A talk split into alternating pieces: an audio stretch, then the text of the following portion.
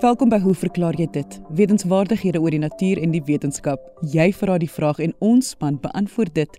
My naam is Lise Swart en ons paneelkenners vandag is entomoloog Dr. Johan Pretorius en ekoloog Dr. Dave Peppler. Onthou as jy 'n vraag het, stuur jou e-pos na lise@rsg.co.za. Jy mag onder 'n skuilnaam skryf of vra om anoniem te bly. En as jy nie vandag se volledige episode kan luister nie of as jy na enige van ons vorige episode van Hoe verklaar jy dit wil luister, onthou jy kan die potgooi luister op RSG se webwerf. Gaan net na rsg.co.za, tik in die program se naam, druk die soekknoppie en luister na enige van ons vorige episodes insluitend vandag se. Ons eerste vraag word beantwoord deur entomoloog Dr. Johan Pretorius. Pieter Loubser vra: Ek werk al vir meer as 40 jaar met bonsai en het baie ou bome. Ek skat dat sommige oline wat ek uitgegrawe het in die veld maklik meer as 100 jaar oud is. Ek vermeerder daarom heel party spesies via steggies en hoop dit help om die planeet groen te hou. My vraag gaan oor dopluise. Omdat ek my boontjies nou keurig versorg, kan ek sien as peste hul tuis maak. Een pes wat skelmpies vermeerder, is dopluise. Ek sien verskillende dopluise op verskillende spesies. Tans stoei ek met 'n uitbreking van 'n besondere tipe dopluis op een olienhout. Dit is 'n plat, skubagtige insek met die groteres bruiner as die kleintjies. Ek vermoed dat dit sagte dopluise is want hulle is anders as die swart harde dopluise op my fikusse. Hierdie einste swart dopluise verwyder ek eenvoudig met 'n haartang of 'n tweezer. Die plat dopluise vee ek af met 'n gebuigde plat lem instrument sodat ek die blare nie beseer nie. Dit is tydrowend. Daarna gebruik ek 'n insekdoder soos neemolie om die onsigbare jong luise te dood. Hoe teel hierdie insekte aan? Is dit net die kruipers wat kan rondbeweeg? In die geval van die dopluise aan die olienhout, hoekom is hulle 99% van die tyd op die boonste oppervlak van die blaar? In die geval van die dopluise op die wilde vye, is hulle oral te vind en veral op jonger takkies. Ek bespuit my bome met neemolie net voor die lente. Is dit aan te beveel? Dr Pretorius. Ja, Pieter is nogal akkuraat in sy beskrywing dat hierdie insekte skelmpies vermeerder. Hulle is meestal maar klein insekte van minder as 5 mm in lengte. Die naam dopluis is eintlik 'n oorkoepelende term vir 'n aantal naverwante insekfamilies wat almal tot die superfamilie Coccoidea behoort en wat op sy beurt weer deel vorm van die groot en diverse insekorde die Hemiptera wat ook ander bekende goed soos plantluise, stingbesies, sonbesies en so meer insluit. En die mees algemene kenmerk van hierdie insekorde is die steeksuigende monddele waar die mandibels en maxillas 'n stilet vorm amper soos 'n hipodermiese naald wat plantsappe of die vloeistof van 'n prooi se liggaam uitsuig. Nou die dopluise en al verwante, dis nou die Coccoidea, is 'n taamlike groot groep met so 'n omgewing van 8000 bekende spesies wêreldwyd.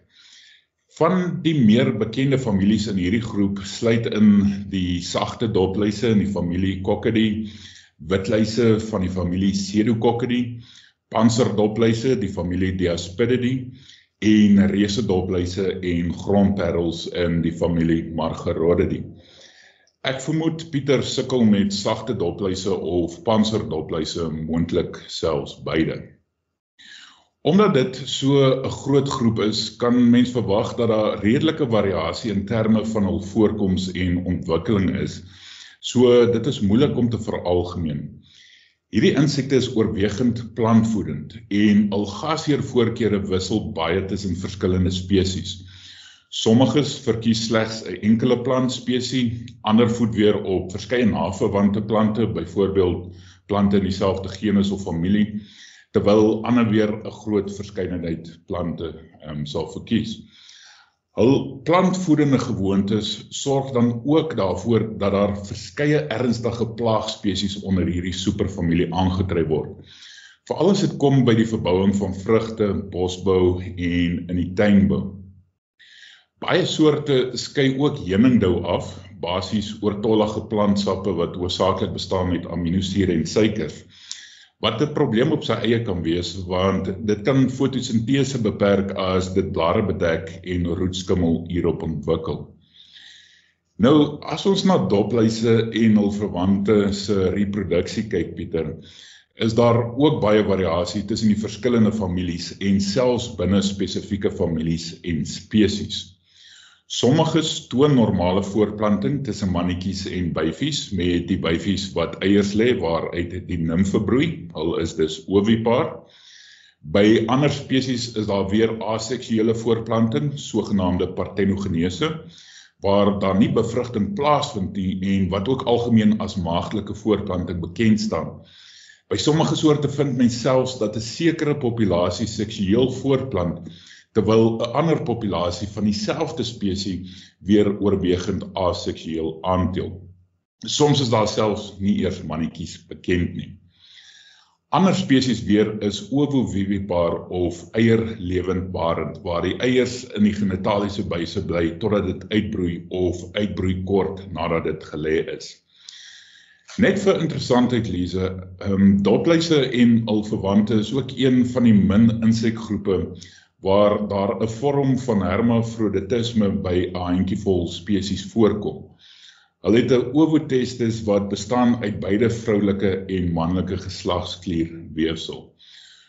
So Pieter, ja, sommige dopluise en verwante plant geslaglik voort en lê eiers, maar die vorm van reproduksie wissel tussen verskillende soorte en die spesifieke metode sal maar afhang van die spesies ter sprake waarvoor mens natuurlik 'n akkurate identifikasie benodig. Pieter wil dan ook weet of dit net die kruipers is wat rond beweeg. Kruipers is die eerste nimfstadium wat uit die eiers broei of aan geboorte gegee word en hulle het pote en voelhorings om mee rond te beweeg en 'n gasheer op te spoor. Hulle is meestal so klein dat mense hulle nie sommer maklik raak sien nie. En dit is basies die kruiper se taak om te versprei na groener weivelde wat al reg kry deur bloot na 'n nuwe voedingsgebied te loop van daardie naam kruipers of hulle kan deur wind of ander diere soos voëls byvoorbeeld na nuwe gasheerplante gedra word. Bygesê Elise as hulle gelukkig genoeg is om 'n geskikte gasheer op hierdie wyse te vind Nou hier raak dinge interessant want sodra die nimfe 'n geskikte gasheer of voedingsplek bereik, sal hulle hul monddele stelselmatig in die gasheer inwerk en begin voed en dan 'n wasagtige laag oor die liggaam begin afskei vir beskerming teen natuurlike vyande en die elemente. En die vorm, samestelling en um, hardheid van hierdie waslaag is ook dikwels kenmerkend vir verskillende spesies en families. By sommiges byvoorbeeld is dit 'n harde doppie wat bestaan uit vorige vervellings en afskeidings terwyl dit 'n sagte poeieragtige waslaag in ander groepe is.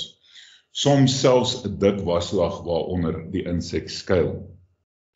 Die nimfe groei en vervel tot hul volwassenheid bereik en die wyfies van meeste spesies is sesiel. Met ander woorde, sy bly op een plek geanker en kan nie vrylik rondbeweeg nie. Daar waar sy haarself parkeer het as 'n nimf is waar sy bly vir die res van haar lewe. Daar's tog uitsonderings by sommige witluise byvoorbeeld kan die volwasse wyfies wel rondbeweeg tydens sekere tye in hul lewensiklus. Wyfie dopluise van 'n paar families is eienaardige kreature. Baie van hulle het nie pote nie of dit is onderontwikkel Soms is die voelhorings totaal afwesig of teenwoordig met slegs 'n paar segmente en hulle het ook glad nie vlerke nie. Hulle het ook nie saamgestelde oë nie, hoewel sommige spesies wel enkelvoudige oë het. As jy van hierdie wyfies onder 'n mikroskoop bekyk, leser, is dit moeilik om te glo dat dit hoegenaamd insekte is. Baie lyk bloot net soos 'n sakagtige struktuur met min of geen onderskeid tussen die hoofdele of stigmata van die liggaam soos die kop, borstuk en toraks nie. Manlike dopluise ontwikkel baie soos die wyfies tydens die nimfale stadium, maar net voor hul volwassenheid bereik, gaan hul in 'n rustende stadium in, 'n sogenaamde papie en soms selfs 'n pre-papie stadium by sommige families. En dit op sigself Lize is ook eienaardig want die Miptra waartoe dopluise behoort is hemimetabooliese insekte wat onvolledige gedaantewisseling ondergaan en waar daar nie 'n papie stadium teenwoordig is nie. Mense kan seker eerder daarna verwys as 'n pseudopapie eerder as 'n ware papie stadium. Manlike dopluise en hul verwante lyk weer baie na ware insekte met hul ses paar pote en duidelike kop, toraks en abdomen en party het vlerke hoewel sommiges vlerkloos is. Hulle het egter glad nie monddele nie en hulle kan dus ook nie voed nie. Hulle leef slegs 'n paar dae en hul enigste taak is om te paar. Manlike en wyfie insekte in hierdie groep lyk dus baie verskillend van mekaar en hier praat ons van seksuele dimorfisme. So Pieter, dit is dus nie net die kruipers wat kan rondbeweeg nie, hoewel hulle nuwe infestasies initieer maar ook die volwasse mannetjie dopluise by daardie spesies waar hulle aangetref word. Maar omdat hulle so klein is en so kort lewensduur het, word hulle selde raak gesien. Rakende die spesifieke areas op plante waar die dopluise aangetref word, is dit basies verskillende voorkeure deur die verskillende spesies en selfs verskille in voorkeur tussen die twee geslagte. Sommige soorte sal op verskeie dele van hul gasheerplante voed, selfs die wortels, terwyl ander weer nie so wye voorkeur het nie en byvoorbeeld die blare en vrugte verkies. Sommige spesies sal ook byvoorbeeld op die blare van meerjarige plante voed tydens somer, maar na die wortels en takke beweeg tydens die aanvang van winter.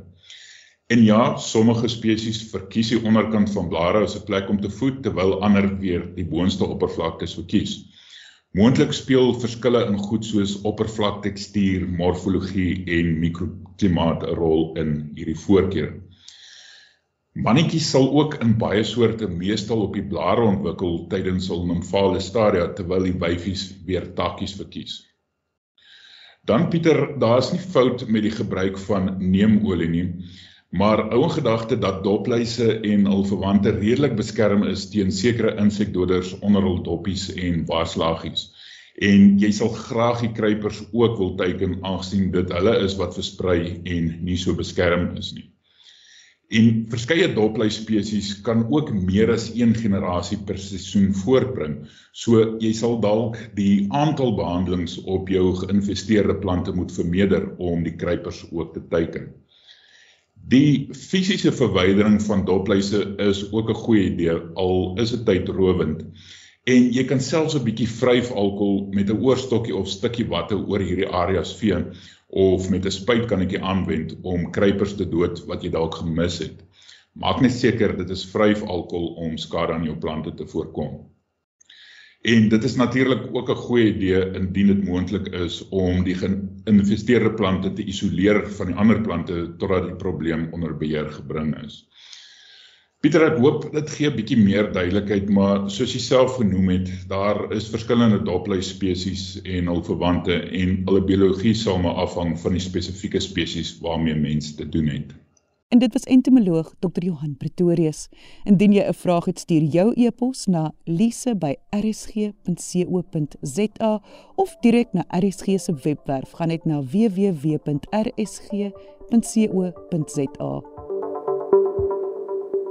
Volgende gaan Dr. Dave Peppler Rudy van Heerden se voorstelling bespreek. Goeiemôre oom Dave. Ek het al baie lank hierdie gedagte in my kop om ons boere in ons gemeenskap te ondersteun. Maar lê dit nodig? So ek vra graag na oom se insaag in die aspek.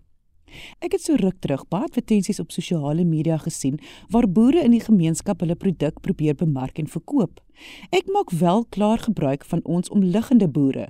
My vleis, my groente, my eiers, my koekies, heuning en ander produkte koop ek self reguit vanaf die boer.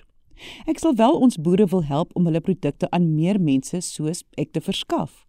Ek het al gedink aan Saterdag by einkoms waar elke boer sy stalletjie opsit om sodoende die verbruiker makliker te bereik. Maar hoe gemaak om ons gemeenskap te oortuig om net een keer 'n maand weg te bly van supermarkte en inkopiesentrums? So sal die boer dan middelman kan uitskakel. Elke boer kan hulle produk bring en verkoop, het sy droë vrugte of hoenders en alles tussenin. Hierdie was net een voorstel van Rudy gewees. Ek wil graag al sy voorstelle lees, maar dit is sulke goeie voorstelle dat dit voel vir my Rudy, as jy vandag luister, voer al jou voorstelle uit want dit is baie goeie voorstelle wat jy hierso maak. Dave Peppler gaan nou saamgesels oor hoekom dit so belangrik is dat ons ons klein boere ondersteun. 30 jaar gelede gaan ek tuis by 'n familie in Pforzheim in Duitsland, suide van Duitsland. En toe sê die gasheer, "Kom ons gaan koop ontbyt." En ek het eintlik nie geweet wat hy bedoel nie. Ek klim in die motor.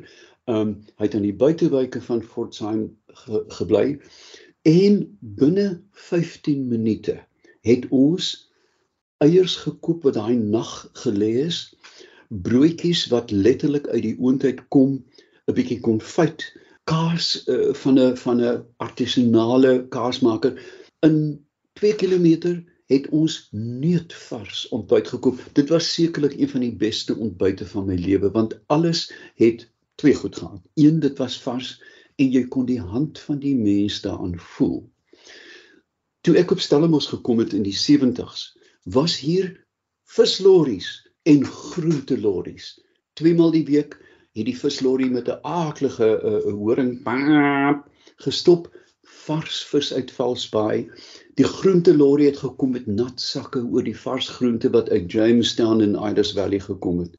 Hierdie fabelagtige wonderlike skakels met die mark is weg. Ons gaan supermark toe. Vandag is daar natuurlik ook spesialiteitsmarkte en mens vind dit veral in baie ryk voorstede die Constantias van die van die wêreld het artisanale markte spesialiteitsmarkte waar pragtige groente en vrugte en produkte verkoop word maar die fokus hier is op welvaart en nie op behoefte nie met ander woorde ek haal altyd vir hierdie ou kamp aan wat gesê het net die wat waarlik ryk is kan bekostig om arm te wees. en dan gaan die mense uit welvaart en maak asof hulle op 'n plaas is. Nou ja, ek het geen probleem daarmee nie.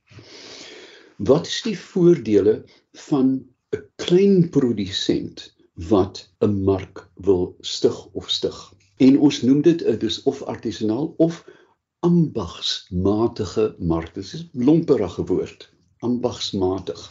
Nou ja, Die heel eerste ding wat uitspring is geure. Liewe hemel, die produkte word ryp gepluk. Nie 2, 3 weke voor die tyd en dan met gas behandel of bestraal of verkoel nie. Dit kom van die boom af na die mandjie na jou. Tweedens, seisonaliteit. En dit is uiters belangrik. Gaan kyk na die Franse. In die hart van Parys vandag sal daar 'n jong seentjie hardloop en skree vrede bois, vrede bois. En dit beteken die klein wilde arbeye. Net eenmal die jaar kom hulle op die mark en mense stroom en is liries oor die lekker smaak. Wat gebeur by ons? Stap nou 'n supermark en tel 'n pakkie asparagus of mange toe op en dis ingevlieg uit Peru of uit Nairobi. Die voetspoor van hierdie produk gaan eenvoudig deur die plafon. As jy dan seisoonaal koop, maak jy seker dat hierdie hierdie produk nie te ver gereis het nie, meer so by 'n mark. My hart bloei vir die klein boere. Deesdae om winsgewend te wees, moet die bestuurseenheid groter en groter en groter word. Die mekanisasie verdiep. Die gebruik van kunsmis en insektedoders neem toe die kleinboer, die plotboer, die klein pagboer het byna geen kans om te kompeteer met 'n supermark nie. Die enigste uitkoms wat sy lewe of sy bas gaan red, gaan 'n klein markie wees met 'n getroue gevolg. Nog 'n voordeel is die ontdekking van verskeidenheid. Dink aan tomaties of dink aan aardappels. Ek het gereeld gewerk in Suid-Amerika waar in die suide van Chile op 'n mark jy 28 tot 30 soorte aardappels kry. 'n Persaardappel, 'n swart appel, aardappel, een wat jy nou jou skoonmaak gooi, een vir chips. Wat het ons? Ons het byna net van die van die plank uit die Weskus. Niks fout met die aardappel nie, maar ons het nie 'n keuse nie. Hier is die kans om landrasse weer na vore te bring iets soos 'n vleistamatie, daai groot wat die Engelse noem oxheart. En die klein produsent verseker dat hierdie landrasse se genetiese materiaal behoue bly. Hoekom is dit belangrik? In 'n toenemende verbrokkelde wêreld met klimaatsverandering gaan hierdie nisprodukte die um hierdie klein landrasse veel beter doen as groot um gestandaardiseerde uh, saad wat deur 'n magtige um maatskappy versprei word. Met ander woorde, 'n landras is 'n 'n organisme wat spesifiek aangepas is by 'n omgewing. Die verskil tussen 'n Robertson tamatie en 'n Worcester tamatie en 'n Johannesburg tamatie lê in die landras en hulle word so deur hierdie markte behou. Verder, en 'n mens kan nie seker hieroor wees nie, maar ondersteun dit die welvaart van diere. Veral in terme van vleis weet mense dan dat die dier met 'n mate van respek behandel is.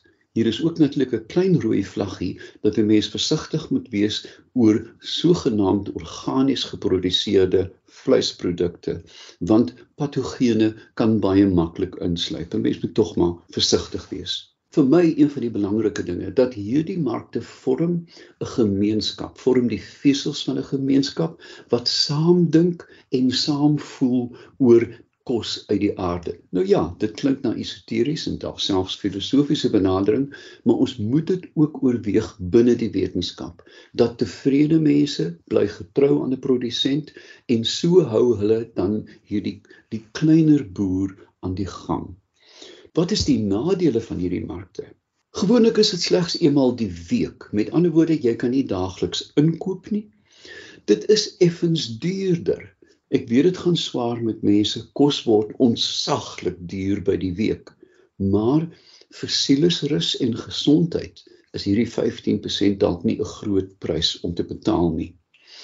Daar's probleme met die weer, met die klimaat dat op 'n reënerige dag kan die markte nie noodwendig funksioneer nie. En dan is daar die veiligheidsoorwegings van jy is nie totaal seker vir albei vleisprodukte en ook soms by eiers dat die goed werklik sanitêre toetse ondergaan het nie. Jy uh, is in 'n mate uitgelewer aan patogene soos Salmonella. Maar nou kom hier 'n baie ernstige korrektief. My gunsteling omgewingsskrywer is George Monbiot. Hy is sinies, maar sekerlik een van die voorste omgewingsjoernaliste op aarde. Hy sê in 'n artikel en hier is die titel: Farming good, farming bad, when it comes to the global food crisis, it is not that simple. En wat bedoel hy? Van jare is daar 'n 10 verdieping varkplaas in China gebou en in hierdie 10 verdiepings gaan 1 miljoen varke per jaar geproduseer word. Wil jy aanhou spek eet uit 'n 10 verdieping varkplaas? As jy dan in oudheidse Afrikaans harde gat is en sê die goed moet organies wees, wil jy vir hierdie miljoen varkproduksie sê nou maar 500 hektaar van natuurlike veld verloor met gepaardgaande besoedeling ensovoorts ensovoorts ensovoorts. Die keuse lê in die toekoms. Ons gaan eet 'n choppie wat uit 'n proefbuis kom. Dit gaan lyk na 'n chop, maar dit gaan nie een wees nie. Of Ons gaan alge, mure, reismure en sprinkane eet. Met die greep van klimaatsverandering, beurtkrag en ek moet dit ongelukkig sê 'n regering sonder visie sal elkeen van ons ons voedselvoorkeure moet herbedink. Want anders is ons voorland die chop uit die proefbuis.